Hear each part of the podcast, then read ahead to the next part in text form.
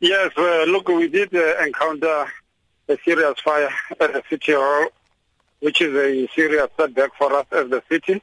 It ensued from 6 o'clock until early hours of the morning. And uh, we have uh, since heard through the report of uh, SAPS that three suspects were arrested. And these people are charged of arson. Kedana sê dat die metro nie wil bespiegel wie agter die brandstigting sit nie. Look, I did pick it up that uh, the, it was a meeting of uh, SAMU members.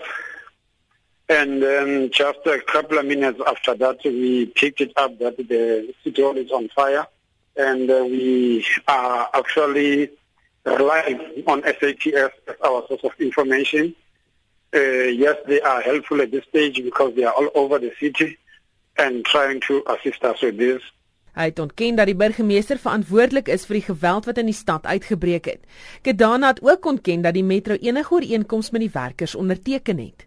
With regard to the labor local labor forum, which is a structure that is dealing with the issues of labor to labor. Yes, there was a meeting on Tuesday and then they together with the management and the representative of political leadership, they agreed on having the meeting uh, on Thursday, that is next week Thursday.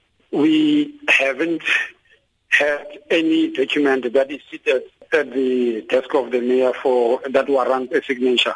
So I am sure if a, a need arises, they will convene a special LLF so that they deal with other issues that affect both the management and, and the, the city. Kidana sê hulle kon nog nie bepaal hoe groot die skade is wat aan die stadsaal aangerig is nie.